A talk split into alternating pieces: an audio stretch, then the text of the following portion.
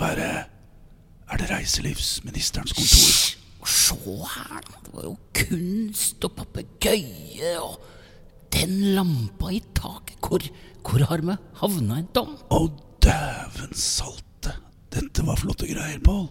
Dette kunne ha vært reiselivsministerens kontor.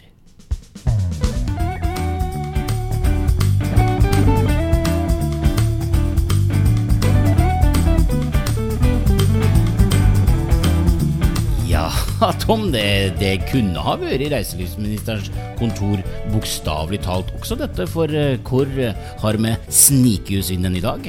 I dag, Pål, så er vi faktisk Vi, vi sitter i styrerommet ja. Nordic Choice sitt hovedkvarter i, i Oslo. Ja, i Bygdø allé. I Bygdø allé. Snakker vi om by og land hand i hand, eh, liksom Lansen hest i Tigerstaden i Bygdø allé. Ja, for dette har vi snakket om, Pål. Ja. Sånn, Det er jo, nå, nå kommer du til storby. Sånn lever vi her. Ja, maken til, maken til fjongt. Ja. Eh, og, og tusen takk. Eh, hvem er det vi skal takke for at vi får lov til å være her, da? Vi skal faktisk takke Torgeir Silseth, Ja, som, eh, som stilte rommet til disposisjon for oss. Ja. Fordi vi er jo, Pål, Ja. et mobilt reiselivsministerkontor. Det er ikke sikkert alle har fått med seg det, men jeg har jo en koffert med stæsj, og reiselivsministeren fyk, i den grad det er lov å si det i dag, eh, fyk rundt omkring. Ja, det er jo, Pål, det er jo jobb. Ja, det Da er, er det jo lov å fyke rundt omkring. og med, med, med munnbind. eh, er Med som munnbind. Ja. Vi kom med munnbind begge to i dag. Ja, og kommer til å reise med munnbind. Absolutt. Men vi kommer til å ha besøk her i dag, eh, rett og slett. Og vi har allerede fått besøk. Åssen har du lyst til å introdusere gjesten vår i dag, da, Tom? Ja, vet du, altså I dag så skal vi inn på Vi har jo tidligere pratet på om dette kartet. Mhm. Hva består norsk reiseliv egentlig av? Altså reiselivskartet, sånn, altså Hvordan virker det kartet? Nemlig Bruksanvisninga? Ja, og der er vi jo så vidt i gang med å lage rett og slett en mal for det. Mm. For det trenger vi. Ja. Og vi har også i en tidligere podkast snakket litt om at reiselivet er jo mer enn de 170 000 som er direkte ansatt i reiselivsbedrifter. Mm. Det er så mye mer. Og en, et av de områdene Mm. som faller inn, faller inn under den kategorien, Ja. men som kanskje ikke telles med blant de 170 000, Ja. det er eventbransjen, Pål. ja. Og den er viktig. ja. Sa du event nå? Ja, skulle jeg sagt event? Nei, altså for at det, det er, altså, nå er jo jeg i byen på besøk. Altså Er det Sirikon Event her nede? Du vet, I hovedstaden så, så adopterer vi gjerne språk fra utlandet. Ja, ja, for det er utenlandsk. Det har vi jo gjort siden det, det danskene det stykket her. Rett og slett. Hele bokmåls, Ja, eller språket vårt, er jo, egentlig utenlandsk. Eh, Så ja da, vi, vi, her nede så bruker vi det engelske uttrykket 'events'. I, events. Men det er veldig bra. Og, og, da, eh, og da har vi rett og slett en eventgjest, er det Ja, det du sier? Vi har det. En veldig spennende gjest som heter eh, Lene Albrigtsen. Ja. Og som er Som driver et selskap som heter Event, eller Event, om du vil, ja, event, ja. .no. Ja. Og hun er vår gjest i dag. ja. Og nå syns jeg at eh, Lene skal få lov til å introdusere seg selv. For hvem er Vi må begynne der, Pål. ja det, Det ene, det eneste jeg vet, Tom, Ja. er at hun er fra Ølen. Hun er fra Ølen, Ja, rett og Det har jeg fått med. Det eneste jeg vet. Og dette, altså, ifra, altså, når vi vet at folk er fra Ølen, kan det havne hvor som helst. Det kan de, og de kan til og med ha slepet av seg den meste av- av dialekten. Ja. Men det henger igjen en R der, Pål. Eller en R, Ja, som, som vi nok skal få høre. ja la oss høre, da. Ja, fordi uh, Lene, velkommen til vårt mobile kontor. Tusen takk. Er du fornøyd med omgivelsene? Jeg er fornøyd med omgivelsene, og jeg syns det er veldig hyggelig at du titulerer meg Lene. Det er en veldig god kollega av meg. men uh, veldig Else. Uh, Else? Ja. Men en fin uh, Else, ja. Pål, det var en sosial brøler. Nei, men Nei. Det, det gjør vi ofte her nede i hovedstaden. Men vet du hva jeg kjenner på da? Altså, Gommo. Gommo, Hun heter Else. gjorde hun? Ja. Da får du varme minner. Så jeg begynte nesten å gråte Ennå. Ja. Altså i pur glede. Ikke fordi at du hoppa bukk over eh, navnet til Else, men altså tenk å hete Else. Det er vakkert, det. Ja. Oi, oi, oi. Jeg skal love å prøve å bruke det fra nå av. Hyggelig icebreaker, da. Det er vi veldig kjenner- hyggelig. Vi kjenner nemlig ikke Else så godt fra før. Nei, det gjør jo ingen Så da, da kan man jo faktisk bomme. Det er ikke spesielt pent, men man kan bomme litt da. Men Else Albrigtsen, du heter ikke Johansen til etternavn Nei, da ble det palmgren også. Ble du Palmgren? Himmelens navn. Pål, dette begynner bra. Ja, det, altså, jeg, jeg tenker at eh, nå har vi brutt isen på ordentlig. Ja, det- La oss komme opp igjen. Dette beviser jo at vi tar dette i et one take. Ja, det er rett og Hvis ikke så hadde vi tatt det om igjen. Herlig og sjarmerende. Det skal vi ikke gjøre. Så Else Palmgren, velkommen til reiselivsministerens mobile kontor. Hjertelig tusen takk. Hvem er du, Else? Ja, eh, som dere sa, fra Ølen fra Vestlandet. Jeg har eh, en bakgrunn innenfor reiselivet. Jeg har eh, utdannelse innen eh, reiseliv og markedsføring fra Skottland. Startet i reiselivet med å jobbe med et magasin som heter Reiser og ferie. Ble veldig inspirert og utrolig spennende å jobbe sammen med redaksjonen der. Eh, gikk videre fra Reiser og ferie til et eh, magasin som heter Reis og Travel News. Ja, Det kjenner vi til. Det kjenner dere langt til, ja. Eh, Jaså? Ja. Er ikke det magasinet du sitter og ratter om dagen? da? Jo, jeg er publisist for de to magasinene og sjefredaktør. Men dette var før min tid, Else. Det stemmer. Ja. jeg syns jo det var utrolig spennende å jobbe da i det som het Emma Publishing, som var på en måte hadde både Reise og Travel News i eh, Sverige, og så hadde det da eh, kontor i Norge, som jeg eh, jobbet på da. Ja. Det som jeg synes var spennende med de magasinene, var akkurat den kombinasjonen av å ha Reis, som nådde ut til fritidsmarkedet og hadde sin side, og så var det Travel News, som var på en måte et sånn litt økonomisk rapport for reiselivsnæringen. Så jeg syns jo det var utrolig spennende kombinasjon, og lærte utrolig masse om næringen fra to, to ståsteder. Det kjenner jeg meg igjen i. Ja. Men, men kan, jeg- kan jeg få smette inn? Eh, Du sier at du har utdannet deg i Skottland. ja. Eh, reiseliv og Skottland. Hva er Skottland flinkere på enn Norge? Du som kjenner det litt sånn ifra torv, Torva. Eh, jeg syns jo at de er utrolig eh, gjestfrie, veldig ekte, veldig autentiske i det de gjør. Eh, jeg syns eh, Edinburgh, da, som jeg studerte i, er utrolig bare byen eh, Folk lever liksom hele produktet i den byen. altså Den historien, den du kjenner liksom på kroppen. Den opplevelsen byen gir, bare med å komme inn der. Du kommer liksom tilbake nesten til en annen tidsalder. Så jeg syns det er jo masse sånn Braveheart-følelse Ja, ja. i Skottland. Og de har vært utrolig flinke å ligge så utrolig langt fremme på opplevelsebaserte reiser og opplevelser. Og jobber også veldig tett opp mot eh, teater, drama, som også var en linje som var på skolen der, for å på en måte lage konsepter og, og på en måte visualisere og gi gode opplevelser for, eh, for eh, tilreisende. Da. Jeg legger jo hjertet av dine hjertesaker på. I, Ja, ellers jeg kan bli bestevenner. Ja. Rent faglig, i hvert fall. Fordi at det, det, det, det her er jo, det er jo veldig spennende å prate om. Og så er det en annen link i Skottland som jeg tror reiselivsministeren helt klart skal snakke om eh, i en senere episode. Og det er jo det Skottland gjør med sine eh, verneområder, nasjonalparker, identiteten, stoltheten, kultur og naturarv satt i system med sine eh, skinnkledde og eh, fjonge herrer, ofte i en sixpence, og dunstene av whisky, eh, som går der og er liksom rangers. Litt sånn, litt sånn Morgan Kane, eh, Texas Rangers i Skot... Altså, det er jo en sånn Når du går i The Highlands da, ikke sant, i, i Skottland og møte disse eh, gutta med stokk eh, altså, Det er turistverter da, som ser altså, Det er jo spikka ut av en eller annen reportasje. Det, det er, er, ikke det veldig, er ikke det veldig vakkert, egentlig? Jeg syns også det er veldig vakkert, og jeg syns også de får eh, Dette virker veldig ekte. Det virker liksom veldig Altså de er veldig i rollene, de er veldig i sjelen deres, og det Ja. syns jeg de får veldig godt ut. da. Og så den store forskjellen synes jeg Tom, ikke sant? med som bor oppe i Gokk her, altså langt oppe på fjellet.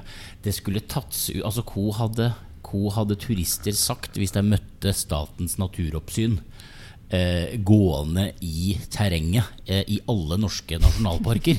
og vært sånn Hei sann, velkommen, welcome to Hallingskarva National Park. Who are you? How are you doing, sir? Altså, du, du, det, det, du hører det nesten ikke for deg. Men det skal vi snakke om i en litt seinere episode, Tom. Det kommer på nå, for vi må snakke med eh, Miljødirektoratet og Statens naturoppsyn og alle der som har nasjonalparker. For, for i Skottland er jo det the brand nummer én eh, for veldig mange. Så reiser man til Skottland for å oppleve det, og der kjører du bil inn i også. det, det er jo liksom en del av samfunnet på, i langt større grad enn i Norge.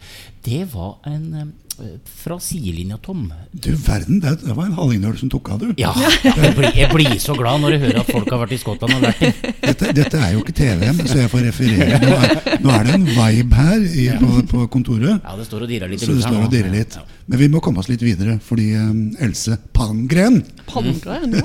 Palm Vakkert navn. Det høres litt svensk ut. Ja, det er litt svensk. Ja, ja, ja. Jeg heter jo Andersson. Ja. Så, så Pål, der har vi noe der, der er det en vibe mellom oss nå. Ja, Nå syns jeg ikke hun kan fortsette i den viben. Ja. Skal vi gjøre det? Ja.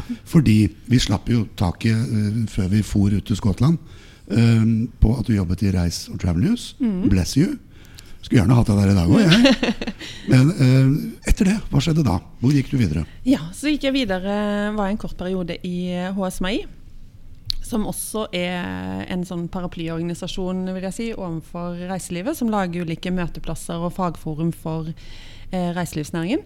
Eh, utrolig også fantastisk jobb eh, de gjør, og, og, og si, en faglig god møteplass. Og de har også en del priser de deler ut i reiselivsnæringen, og, og inkludert nå eventnæringen de siste årene. Da, for å på en måte eh, hedre de i forhold til hvilke type eventer de har gjort bra i løpet av året. -hmm. Ja da, vi kjenner godt uh, HSMI.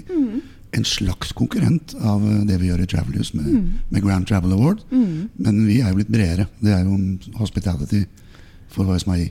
Absolutt. Ja. ja, men det må ha vært en Ja. inspirerende og morsom periode, det. Um, Absolutt. eh, Veldig, veldig fin periode. Og utrolig fin måte også å bli kjent med flere sider av eh, reiselivsbransjen på. Ja, for det er så viktig, Pål. Det har vi snakket mye om også. Denne helheten som vi savner eh, stort sett, og særlig i det politiske miljøet. Men det kommer vi tilbake igjen til. Etter hos meg, hvor gikk du videre? Ja, da gikk jeg rett Jeg tenkte jeg skulle jobbe i eh, bransjen, og jeg har alltid likt å jobbe litt sånn på en måte med mange aktører. Eh, så da ble det et naturlig valg å gå inn i et eh, reisebyrå eh, som heter HRG. Eh, dette her er jo et reisebyrå som eh, finnes vel i over 100 land. Eh, Hog Robinson? Hag Robinson Group, ja. og der igjen så fikk man jo mulighet til å jobbe med mange aktører istedenfor å være hos én aktør. Så det syns jeg var utrolig spennende. Eh, jeg ble eh, utfordra til å jobbe på den eh, gruppeavdelingen der, og jobbe med også opp mot strategisk salg og konseptutvikling. Eh, så eh, mitt fokus og min brann i magen der eh, ble jo veldig å få event eh, på banen. Og også jobbe mer eventmessig med med reisene og konferansene, sånn at man fikk det mer opplevelsebasert. Det var, kjente jeg var min skikkelig sånn brann i magen og fikk meg til å løpe veldig fort. Og, og, og ja, veldig engasjement. Og er det ikke herlig når det brenner litt, Pål? Ja, jeg syns det er fint. Vi har så behov for folk som brenner. Veldig, veldig bra. Så da begynte du å få nese for eventbransjen. Det gjorde jeg. Det gjorde jeg.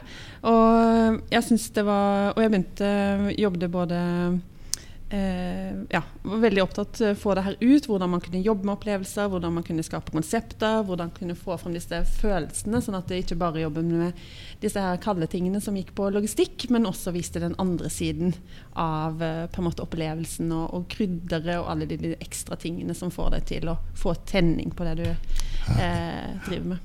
Kjempebra. Eh, men du ble jo ikke i HRG. Nei, jeg gjorde ikke det. Eh, selv om HAG var et fantastisk sted. Og som sagt, det er masse flotte folk med utrolig reiselivskompetanse. Og for at jeg skulle ha muligheten til å jobbe med alt det eventgreiene og det krydderet som jeg likte, så var jeg jo helt avhengig av denne plattformen og den kunnskapen som, som, som de hadde. Så vi ble et fantastisk godt team. Og, så det ga jo på en måte ja, fantastisk fin tid og ga meg eh, en god kompetanse og en god innsikt i helheten. altså Både opplevelsebasert reiseliv og det øh, håper jeg, mer det som går på faktabiten eller logistikken i det, som er hele grunnmuren. Uh, ja, så da jeg var ferdig sluttet i HAG, så har jeg alltid hatt en sånn uh, ja, veldig brann i magen der jeg har jobbet. Alltid, alltid veldig passion for det jeg driver med. Eh, en eh, student eh, sa til meg en gang når jeg underviste på Vesta, da, så sa, lagde jeg et sånt bilde. Så står det 'Put more fuel to your fire'. Og det har jeg liksom på en måte tatt med meg. Og det, eh, så jeg tror også for å på en måte skape disse opplevelsene og dra videre. Og jeg følte at jeg har vært da innom mange organisasjoner der jeg har putt mye av min passion inn. Eh, så hadde jeg lyst til å ta steget ut eh, og prøve å gjøre det her på egen hånd. Så da starter du eget selskap? Da startet jeg eget selskap. eh, Fikk eh, kjøpt en eh, domeneadresse av eh, en regnskaps, eh, et regnskapsbyrå som hadde da event.no. Et Han- regnskapsbyrå som hadde event.no. Er det helt riktig? Han Kjennes seg, naturlig ja. han, kjente, han kalte seg da Event eh, Regnskap. Og oh, ja. han lurte på, selv om jeg fikk kjøpt det ute, lurte på om han fortsatt kunne beholde det navnet. Så det Ja, ja, ja. Så det har han. ja. Men det møter ikke så sterk Nei, konkurranse så fra det var helt greit. en bransje Eh, og det var vel en tid sånn som kanskje at uh, når han hadde kjøpt det, så var vel kanskje ikke event så på måte på folkemunnen som Mm. det er i dag. Da. Så han syntes jo det var et veldig fint uh, ja, Ja, riktig. domene. Og da nærmer vi oss dagens tema, egentlig, som er eventbransjen.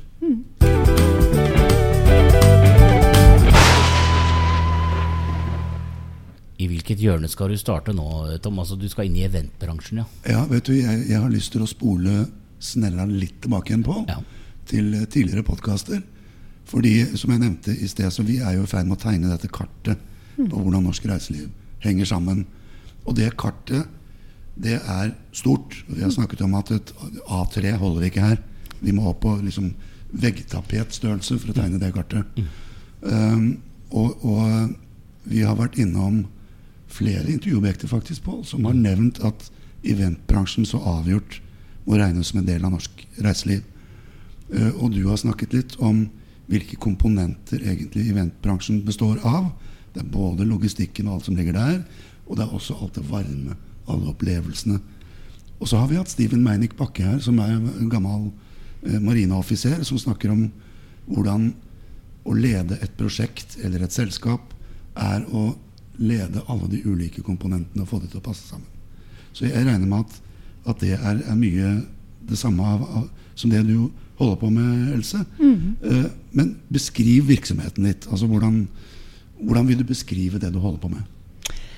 Eh, Jeg vil jo beskrive event.no som er veldig vi er veldig opptatt av opplevelsene der. Vi er opptatt av skreddersøm eh, for hver kunde. Vi eh, jobber veldig lite med sånn eh, hyllevarer. Eh, det krever jo litt eh, ekstra jobb med å jobbe den veien der, men veldig eh, opptatt av å skape de unike produktene for hver enkelt kunde. Så vi bruker masse tid på det.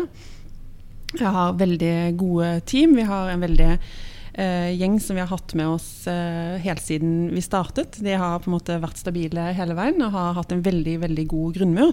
Så da jeg startet eh, event.no, så fikk jeg med meg heldig var jeg, og fikk med meg akkurat de folkene som jeg ønsket. Eh, og de har vært med hele veien. Eh, og da har man på en måte holdt på å si, hele spekteret av eh, kreativitet, og man har logistikkfolk, og man har hele den biten der for å klare å få de riktige byggeklossene. Og så har vi vært veldig bevisste på å ta med oss eh, Man tenker jo selv at man fortsatt eh, er nytenkende og kreative, men vi har også jobbet eh, veldig tett opp mot studentmiljøer. Jeg har også vært Den gangen det het Westerdal, så undervist eh, studentene der på andre og tredje trinn på, på eventstudiet. Og Eh, og også dratt de med inn i prosjekter for å tenke måte nytt og hele tiden klare å ha på måte påfyll. Var det et eget eventstudie på Vesterdal? Ja, det var det. Wow. Eh, det var det. Så da kunne du gå på en måte to veier, mer en sånn kreativ eh, retning. Eh, og jobbe med innhold og konseptutvikling. Og så kunne du også ta en mer en sånn prosjektleder eh, på en måte retning, da, som var mer på den logistikken og planleggingen og kjøreplaner og ha kontrollen. Event management. Det er Yes. riktig, ja. Altså, da, det er tøft, det. Det er tøft, og det er sånn vi snakker i hovedstaden. Ja, ja, event Det er det språket vi bruker her. Ja. Hva kan en eh, vanlig reiselivsbedrift lære av eh, det, det, det første du sier nå? Det at du eh, plukker riktige folk og tenker kreativt og tenker logistikk og tenker alt det. Altså, hvor, alle reiselivsbedrifter i Norge tenker jo ikke slik. Eh, Hvor, hvor kan du tenke deg å lære alle sammen, hvis alle hører på nå? Jeg tenker, eh, jeg tenker at man skal hele tiden eh, Altså, vi fikk jo plukka de med, men det er jo ikke dermed sagt at eh, den gruppen er jo ikke statisk hele veien. Man trenger jo på en måte som jeg sa, studenter inn. Man trenger løpe, man trenger samle på gode mennesker hele veien. Og ulike mennesker eh, som er helt motsetninger eh, til hverandre. Så jeg sier at egentlig i min eh, mitt eh, håper si, dagligliv, dag, så er jeg på søken etter gode mennesker. Mm. Og det kan være kunstnere, det kan, altså hva som helst, egentlig. Altså for å på en måte være med å skape et produkt. Og det er mange vi har dratt inn i prosjekter som naturlig ikke hører hjemme i eventbransjen, mm. men har en fantastisk kunnskap utenfra om helt andre ting, men som er med å fargelegge på en måte produktene på en helt ny måte. Mm. Og det tror jeg man må alltid være sulten og åpen få ny input, ikke bare i sin egen bransje, men også finne fra andre miljøer som gir en inspirasjon. og Det kan være i Norge, og det kan være også i utlandet. Eh, og det har iallfall gitt oss utrolig mye drive, og vi har våget og vi har tørt å være annerledes der. Og vi har våget å ta de sjansene, vi har våget å inkludere andre. Så jeg tror at eh, går man bare rundt i sin egen lille på en måte, reiselivsverden, eller reiselivsfamilie, som vi liker å kalle oss, så, så blir, tenker, blir det på en måte forma litt av hverandre og tenker på en måte kanskje litt likt etter hvert. Så jeg syns det har vært i fall, en stor berikelse å kunne på en måte dra inn fra andre miljøer.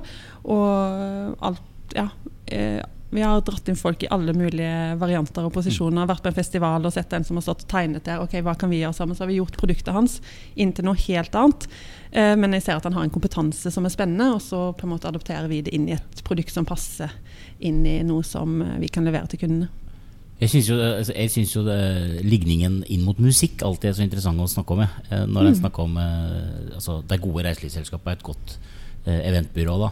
Eh, du er jo litt jazzete, Tom. altså Dette der å ha et godt ensemble, ja. eh, og så kommer det noen inn og jazzer litt opp, som kan spille tverrfløyte på en helt ny måte. Mm. Som jo gir hele ensemblet nye utfordringer. Mm. Eh, en må tenke litt nytt. Man må liksom eh, ta noen nye grep, bokstavelig talt, på gitarhalsen og sånne ting. Og det er jo det, er jo det å aldri mm, gi seg sjøl muligheten til å sovne på post. da. Mm. Eh, og, og, du har jo vært igjen, gjennom en ganske stram periode, du òg mm. i denne covid-situasjonen. Mm. Uh, ja, vi må jo inn på det, Pål. Ja, må vi ikke det?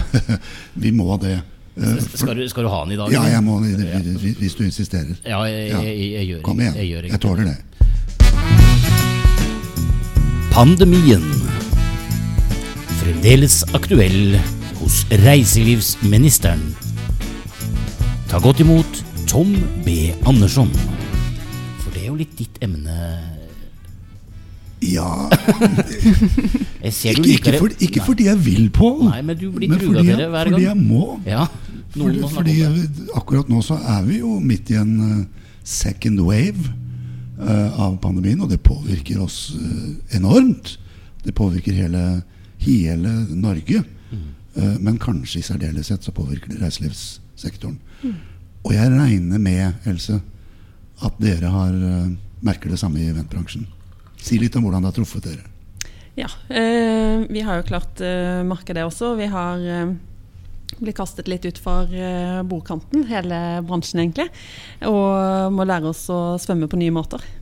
Så eh, det som eh, Så klart, vi, vi er inne i en ny, ny, ny høst. Og, mm. Men det har også gitt en del muligheter. og det som har som har vært eh, positivt, hvis man skal si at noe skal være positivt oppe midt i en pandemi, eh, så har det jo vært at vi eh, altså bransjen generelt sett, man har travle dager, man har mye som skal leveres, vi har mye deadlines, folk er opptatt. og og man får kanskje ikke tid helt til å på en måte ta den foten i bakken. Man jobber for alle andre, leverer produkter til alle andre. Det som tid, denne tiden har gjort for oss, er at vi har fått mulighet til å se oss selv litt i speilet. Mm. Hvem vil vi være, og hvem, hva skal vi være for hvem? Og hvordan på en måte skal vi på en måte jobbe fremover. Mm. Så det har gitt og i tillegg så har det vært utrolig mange tilgjengelige gode ressurser. Fantastisk. Eh, så vi har eh, hatt en utrolig positiv prosess internt og i forhold til både produktutvikling og engasjement og glød. Som istedenfor å kunne gjøre alle disse arrangementene ut for kunder, så har vi skapt måte, et lite event innad hos oss og ser hva vil vi levere av skreddersøm hos oss. Hvordan skal vi gjøre det? Hvordan skal vi stå her? Og prøvd å å bygge på det som vi alltid har gjort ut eh, til kunder, det med å levere det unike og i hele tatt, så har vi prøvd å finne ut ok, hva er på en måte hvilke promised land skal vi levere ut til våre kunder nå? Hvor, hvor, hvor skal vi være hen? Hva skal være vår touch? Uh, så vi har hatt en det har, Vi har oppretta en del sånn fellesområder, og det har bare putta inn med alt mulig inspirasjon. altså som du sier Fra musikere til kreatører. Alle liksom har vært skikkelig på, full tenning. De syns det er gøy når det eh, skjer noe. Og, og, det er jo en eh, bransje som er veldig sånn fremoverlent og liker å engasjeres og liker opplevelser. Og, så det har gitt en god, bra tenning, da. Mm. Det har det gjort. Fantastisk. Ja, for det, Dette må vi også fortelle om. Altså, jeg mener det er, jo, det er jo veldig mange som altså, Det er ikke mange som henger med leppa, men det er mange dårlige beskjeder. Mange, det er mange stusslige nyheter rundt omkring. Mm. Og jeg tenker at eh, det er jo når det er som kaldest at man lærer seg å bli varm. Eh, mm. Eh, altså, det er jo noe med det, Denne historien må vi jo fortelle til alle sammen, eh, Tom. Ja, fordi det er jo Vi hører jo hver dag i alle medier, i, i mine egne også, må jeg jo mm. bare innrømme hører vi om så forferdelig mye negativt. Mm. Naturlig nok. Mm. Men midt oppi dette så er det jo altså så viktig mm. at vi prøver å finne muligheter. Mm. Se etter lys i mørket. Mm. Og her er jo du et strålende eksempel på det. Eh, og jeg er så glad for denne gjesten, Pål. Ja. For, altså, jeg, og jeg er litt nysgjerrig på altså, Hva tenker du, da? Eh, altså Eventbransjen. Du sa at du ble dytta utafor bordkanten og måtte lære å svømme på nytt. Mm. Eh, har, vi, har, vi, lært noe eh, av de siste ti månedene? Altså, har eventbransjen fått eh, en plass, eh, eller eh, tenker du at du kommer til å stange huet i den samme bordkanten på vei opp? Nei, altså jeg syns jo Jeg tenker jo at det her pandemien også har gitt eh, eventbransjen en eh, ny måte til å sette seg på kartet. Mm. Eh, og det har gitt en måte til å eh, ta en posisjon eh, mm. for mer enn noen gang. Til mer kunder vi snakker med, til mer trenger de hjelp nå. For nå er de skikkelig på sånn villrede. Hva kan de gjøre? Hvordan kan de gjøre det? De sitter og skriker etter på en måte å få opplevelser. De er sultefòra, de er reisesyke. Altså alt er mm. på en gang. Eh, og folk sitter på hjemmekontor, de får ikke vært sammen. De, altså alt på en måte koker. Og snakket med en kunde her senest i går. Han bare sier ok, vi får ikke gjennomført noe nå i november, de skal ha noe i Oslo. Men vet du hva, du må ordne altså tre arrangementer neste år. må Jeg, ha, jeg sende datoer til deg, og det skal vi booke inn. Vi trenger det nå. Hvordan kan vi gjøre det? Bare fortell meg det, for jeg vil. Sant? Og det er, det er masse sånn dreier hos kunder. Og jeg tenker Hvis man er gode som eventbyråer og er gode støttespillere der, eh, for kundene, viser de veien og virkelig står opp der som en god rådgiver og støttespiller, og viser de hvor de kan gå hen for å få disse her opplevelsene, så tror jeg mange har muligheter til å synliggjøre sin både posisjon eh, og viktighet av å være et byrå. Mm. Mer enn noen gang. Og jeg tenker også, Vi har jo snakka om det litt før i podkasten, Tom. Dette her med eh, landbruk og reiseliv. Hvor tette, hvor tette, linjer det bør være der. Jeg savner jo enda mer. Mm. Eh, altså At det faktisk er bru fra landbruk og inn i reiseliv. For det er jo faktisk altså Det er litt sånn stusslig. Men her snakka vi om den store highway, eh, den store firefeltsbrua ifra hele kultursegmentet kunstsegmentet, kreativ mm. næringssegmentet, inn i reiseliv. Mm. Altså Det er jo litt eventbransjens store forskjell. Det er jo å koble som, altså, En ting er at Dikkon tenker sånn uh, i mm. event.no og tenker at her må man mm. finne ting. Men det er klart at alle musikere, alle programledere, alle som driver med lys, lyd uh, og, og, sånn, er jo avhengig av at eventbransjen er der. da For dine kunder ringer og liksom 'Hallo, Elsen, jeg trenger tre arrangement neste år' det må jeg ha, mm. så vil jo det bety at du og dine kommer til å sørge for en heil stor sirkel utafor og enda en sirkel utafor, som betyr at det blir noe innkomming her. Men, men det hører ikke jeg blir snakka om. Nei, det er faktisk ikke mye snakket om. Og, og jeg tror uh, at vi skal ha med oss uh, eventbransjen inn i når vi tegner kartet vårt, Pål. Ja. Så kanskje vi skal invitere deg tilbake igjen mm. til en tegnesession mm. på et tidspunkt. Det hadde vært supert. Gjerne. Men du, eh, et litt sånt inkvisitorisk spørsmål. Er du, med din positivitet midt oppi alt dette, er du litt kjerringa mot strømmen i din bransje? Eller uten å oute noen kolleger, eh, er du litt motstrøms? Jeg liker jo liksom motstrømsarbeid. Det har jeg på en måte alltid likt. Og det har jo alltid vært eh, kunder til mer utfordringer han har fått fra kunder og på en måte prosjekter som har trigget og kastet litt utfor kanten og viser at du må opp og levere. Til mm. mer på en måte tenning har det gitt. Så man har vel litt sånn litt i sin natur også, at man liker å bli utfordret. da. Men jeg syns jo Jeg har jo ut, I bransjen så er det jo utrolig Eh, jeg beundrer veldig mange hvordan de har tenkt eh, kreativt, og hvordan de har stått opp eh, og på en måte virkelig gitt gass. Og jeg hadde et arrangement her for ikke så lenge siden. Og der måtte på med her lyd og lys og artister og i hele tatt. Og de hadde jo ikke vært på jobb sant, på, på lenge. Og han Eh, ja, han, eh, de på Lyd og Lys og de var sånn 'tusen takk'. altså dette her gjorde, altså Bare rulle ut i kabelen igjen og sette opp. Ja. altså Det her gjorde hele forskjellen. Ja.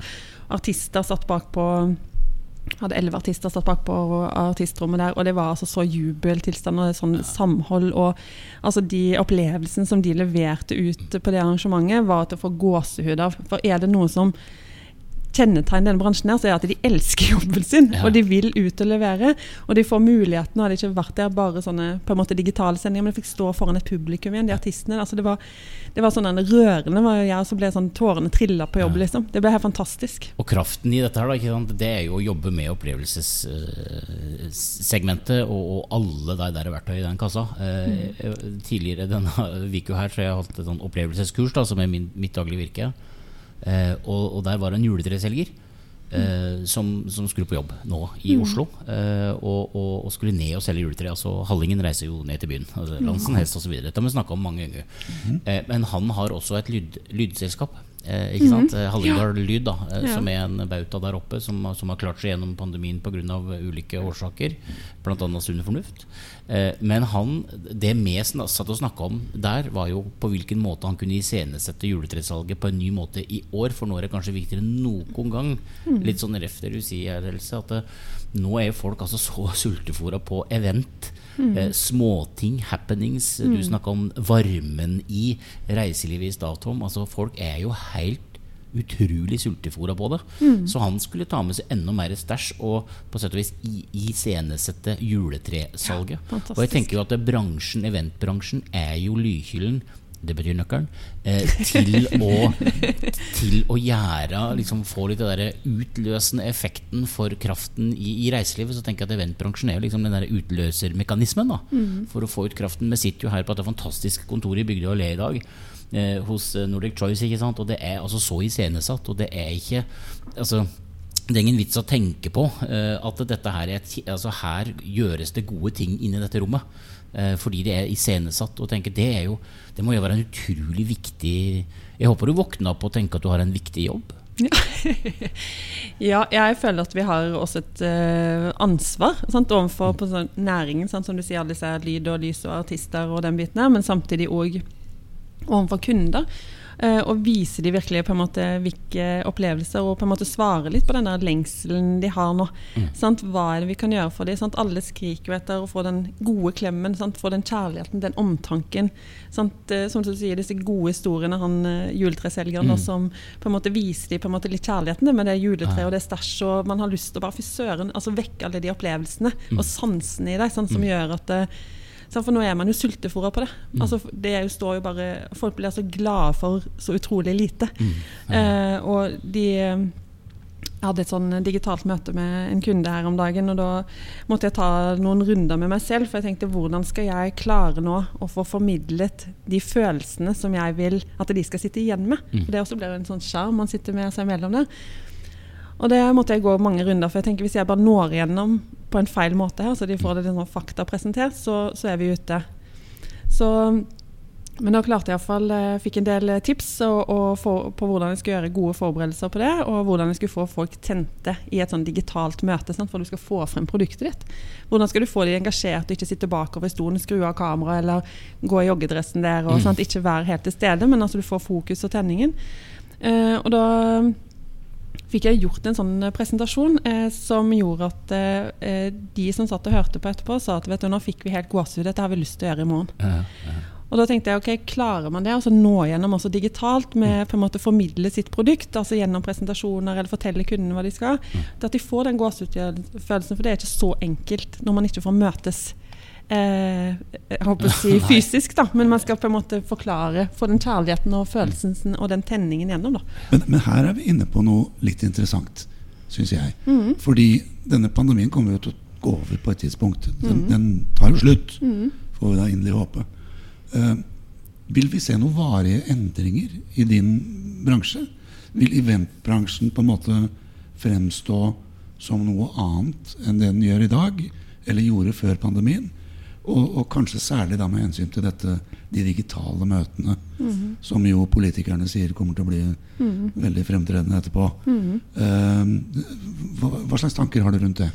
Jeg tror uansett eh, Jeg har jo tro på selvfølgelig at det blir på en måte gode fysiske møteplasser. Men det som jeg tror er på en måte fellesnevner når man skal møtes da digitalt, for jeg tror også at disse digitale møteplassene kommer man til å ta med seg. Men det som jeg tror er på en måte viktig, om man velger da digitalt eller om man velger å møtes, så er det å skape disse her opplevelsene, eh, nærheten, eh, kjærligheten, omtanken, opplevelsene gjennom det digitale. Da. Vi har jo utallige sånt, eh, eksempler på så pandemien startet, alle disse her møtene som ble tatt digitalt, som vi har bare nå masse gode historier og, og blitt en god storytelling sant, på mm. hvordan man gjennomførte det, og hvor amatørmessig og, hvor, sant, og, hvordan på en måte man gjorde det. Og, og nå på en måte Jeg tror at det er de som også blir kanskje gode på å lage da gode opplevelser, at man kjenner på følelsen, at man får formidla og får den skreddersømmen gjennom der òg, så tror jeg at de kan eh, Altså de digitale møtene også vedvare. Men ja, man klarer seg ikke uten de fysiske. Man er reisesyk og man er opplevelsessyk, og man må ut. altså, et selskap som Zoom falt jo på børsen den dagen det ble meldt at mm. Eh, en ny vaksine er på gang. Mm. Uh, og det er klart at forventningene er nok hos mange et slags tilbake igjen til det normale. Mm. Men men det digitale vil ha en større plass, tror du det? Jeg tror at uh, vi kan ikke avskrive det. Altså, jeg tror at vi må på en måte uh, ha det med oss. Og, uh, og kanskje, kanskje litt i mer sånn konferanseform. Og, at, og det kan godt være at vi kunder også skape flere møteplasser. altså De ekskluderer ikke de vanlige møteplassene der man møtes fysisk før, at vi har de, men at vi kanskje har fått tilleggsmøteplasser på det digitale, for de ser at de kan gjennomføre andre typer ting der, men at de beholder også de. Sant? Det blir kanskje en sånn substitutt eller en tilleggstjeneste eller hva jeg skal si for noe, da, ja. som bare på en måte komplementerer det. Jeg tror i den der rekylen, da, for jeg, jeg omtaler det så det kommer en rekyl her eh, etter dette. Og, og, i det eh, så tror jeg det kommer til å ligge et eh, uh, altså tidenes behov for å møtes mm. fysisk mm. i uh, mindre uh, grupper, mm. oftere, mm. med en mye tydeligere kalender. Mm. Jeg tenker jo at uh, eventbransjen også eh, kommer til å leve tå og la folk møtes. Mm. Men jeg tror innholdet kanskje har endra seg litt. Ja. Mm. At en faktisk nå skal reise til fjells eller reise til fjords eh, for faktisk å gjøre noe annet. Mm. For det er klart at konferansebransjen var jo eventbransjen, konferansebransjen, arrangementsbransjen, kall det hva du vil. Altså Det var jo litt sånn like før det smalt her. Så reiste en jo til fjells eller fjords for å gjøre akkurat det samme man gjorde i byen. Ja. Nå tror jo jeg at en har fått seg litt lærdom i at ok, hvis vi nå skal ut og reise, så bør det være viktig. Ja. Jeg tror det blir mindre ølsmaking i Praha og mm. mer ostesmaking i ostebygda. Jeg tror mm. det blir flere fisketurer i Lofoten mm. enn det blir eh, shoppingturer til New York. Eh, mm. altså, jeg, jeg, tror liksom innholdet kvalitativt eh, har gått oppover på den skalaen da, mm. i det faget som heter mm. opplevelsesproduksjon, sant, som mm. du er en representant for her i dag. Så tenker jeg at det tror jeg reiselivsbransjen rett og slett skal uh, bli flinkere på. Da, sørge for at innholdet er bra nok. Det jeg hører deg si, Pål, er at det blir mer fokus på bærekraft. Ja, eh, bærekraft er jo en del av dette bildet fordi at en må reise med mer ansvarsfullhet inn mot medarbeidere. Man må reise med mer ansvarsfullhet. Altså det, blir, det er ikke dumt å bruke penger på event. Det er kanskje viktigere og riktigere enn noen gang fordi folk jo trenger det mm. rent sosialt. Og bedrifter er happy eh, hvis medarbeiderne er happy. Mm. Eh, så, så, her tror jeg ligger, her tror jeg ligger veldig, mange, mange, veldig mange gode ting.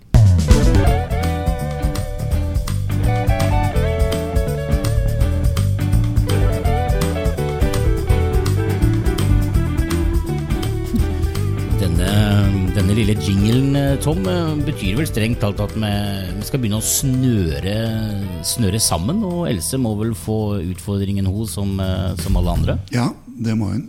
Først vil jeg si at dette syns jeg har vært veldig interessant og veldig hyggelig og lærerikt. og Pål, det må jo være en god del av hensikten med det vi holder på med. Ja. At vi lærer noe.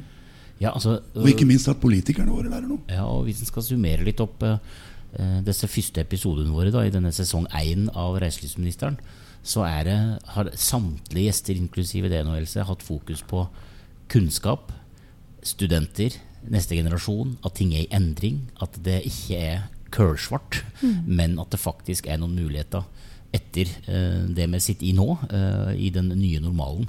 Um, og så, Hvor skjer da, Tom, hvis det kommer en reiselivsminister? Altså, Ja, det var det. Og da er vi inne på det spørsmålet som vi gir til alle våre gjester her på kontoret. Uansett hvor kontoret måtte være. Ja, ja, Og det er det følgende. Du er nå utnevnt til reiselivsminister på ordentlig. Ikke bare et sånt statskupp som Påve har gjort, og som, som er vikarer. Men nå overtar du den stillingen. Du har uinnskrenket makt. Ja, det er kanskje La oss si du har alle midler til rådighet til din disposisjon. absolutt alle. Hva er det første du vil gjøre for reiselivet? Oi, det var et stort spørsmål. Tenk deg blankofullmakt, alle midler. Altså, tenk den, eh, tenk Hva den du vil, du får det til. Oi. Øh, ja. Nå fikk jeg tusen tanker i hodet på en gang. Jeg ser det, det ser jeg herifra. Jeg ser det også. Nå ble det en sånn ivrig hjemme alene-fest i hodet. Full av begeistring. Ehm, den eh, Ja. ehm, ja. Jeg vet ikke om jeg klarer å lande på én ting akkurat der. Det- Nei, men ta gjerne det to, tre, fire. Jeg kjenner at det popper litt nå. Ja. Pop, Men, men, men, men, men la oss nå bore litt i spørsmålet, da. Ja. Eh, hvilke personer vil dere ha ringt først og sagt 'Hei, det er Else her, jeg har fått jobben som reiselivsminister'? altså, hvem vil dere ha ringt? Altså, hvem vil dere ha hatt med dere i, i embetsverket? Hvem hadde blitt statssekretærene dine? Hvem, hvem hadde du ville hatt med dere for å skape et uh, mye bedre reiseliv og bedre forhold for reiselivet? Si Pål og meg. Ja, da har jeg lære, vet du. Eh, jeg tenker jo igjen eh, den eh, sirkelen som vi har vært litt innom. For at bransjen består av så mange måte, segmenter. Og som du sier, lyd og lys, og det er artister og det er forskjellige sånne. Og alle har forskjellige innfallsvinkler inn, og det har jo vært litt vår knutepunkt òg i i, på en måte, i firma og i eventbransjen. Jeg har hatt med meg på en måte kunnskapsrike eh, personer på hver sitt felt. For å på en måte, for den bransjen her er så utrolig sammensatt. Det er liksom ikke én ting. Det, du må liksom ha forståelse for hele det kartet som vi har snakket om. Og da ville jeg hatt eh, på en måte representanter fra de ulike segmentene der med min side, side. For å fått det totale bildet og, og, og på en måte kraften. For det mangler jo litt nå. å se på en måte hele, hele bransjen. Ja. Og forstå på en måte de ulike segmentene. Her, er- her, hun går jo rett til kjernen, Pål. Ja, ja. Rett og slett. Hvis det første du vil gjøre, på en måte er å få inn kompetanse i der hvor kompetanse ikke finnes, så er jo det, spør du meg, kanskje det aller viktigste tiltaket en reiselivsminister kan gjøre. Ja, jeg tror det.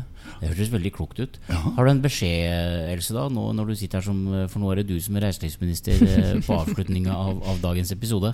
Eh, har du noen beskjed til norsk reiseliv, da? Eh, altså Du som kjenner den fra innsida, du som snakka med en, et litt annet segment av mm. kunde, kundene her. En litt annen del av reiselivet. Hva, hva er beskjeden din eh, avslutningsvis i dag? Jeg vil jo Ja, da vil jeg egentlig si til eh, reiselivsnæringen at eh, de er en fantastisk næring. Og en næring som har levert opplevelser, gleder til kunder alltid. Eh, Det finnes utrolig mye kompetanse. Og jeg tenker nå også stå sammen og bruke hverandre. Vi har i vår runde også jobbet sammen med våre konkurrenter for å på en måte stå sammen. Og nå er vi på en måte en bransje i, en, i samme situasjon. Så på en måte dra nytte av hverandre og være gode kolleger tross om man er konkurrenter, for her står vi på en måte i samme båt. Eh, og benytte av den kraften og den kompetansen eh, som ligger der for å nå komme eh, opp med både gode løsninger, gode produkter og godt ut i andre enden eh, av pandemien. Så kult. Ja, jeg vet hva, dette er helt uh, fantastisk. Det er poetisk, eh, og så er det viktig. Eh, og tusen takk, Else, for at du kom. Eh, det er jo i din by, holdt jeg på å si, så, så det, det er fint, det. Jeg håper vi bare møtes igjen veldig snart på et event. Eh, Nær deg. ja, altså Men Pål, vi skal jo også ha med Else på tegnekartet vårt. Det må vi. Ja, vi må Vi, det. vi må ha Vi skal ha tegnestue i- Dette antageligvis, eh, antageligvis ute i sesong to der, så tror jeg kanskje tegnestua er eh, sharp og on air. Jeg tror det Pål har allerede kjøpt inn tegnestifter.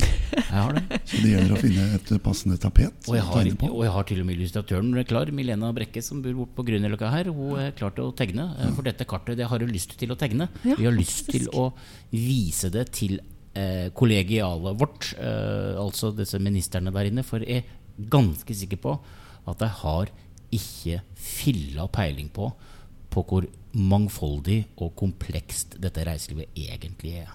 Og det er den store utfordringen. Ja, det er det.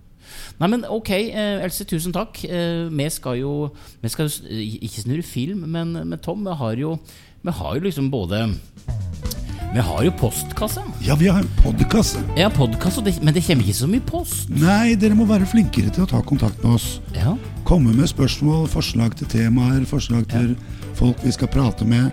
Altså, stå på, send inn og, og bidra i arbeidet med, med å få Og mer agenda, rett politisk. Ja, sette agenda. Ja, ja, og det er post eh, alfakrull eh, reiselivsministeren.no. Ja. Det er jo liksom e-post. Det er e-posten. Eh, og så eh, er vi jo i sosiale medium, i er. SoMe-kanaler. Ja visst. Hvilke kanaler er vi på, Ja, egentlig? I hvert fall på Facebook. Fe Faceren, ja. Vi er på Faceren, og så er vi på Insta. Eh, altså Instagram. Yes. Eh, prøver å tillegge meg litt eh, Oslo-slang her nå, kjenner jeg. Men det, jeg vet ikke om det går så bra. Det er håpløst, Pål. ja, eh, vi er, på, vi, er på, er på Instagram og på Facebook Ja. eh, under, eh, under tittelen eh, 'Reiselivsministeren', rett og slett. Eh, og det syns jeg kan- rett og slett bare kan begynne å følge. Eh, Jep. Det begynner å nærme seg. Eh, vi passerte 2000 lyttere eh, her en dag Uh. eh, av podkasten vår, og det syns vi er veldig stas og gjevt. Det kan godt hende vi bare dukker opp eh, neste uke også, Tom. Yes, det gjør vi helt sikkert på. Takk for i dag. Ja, takk for i dag. Takk for i dag.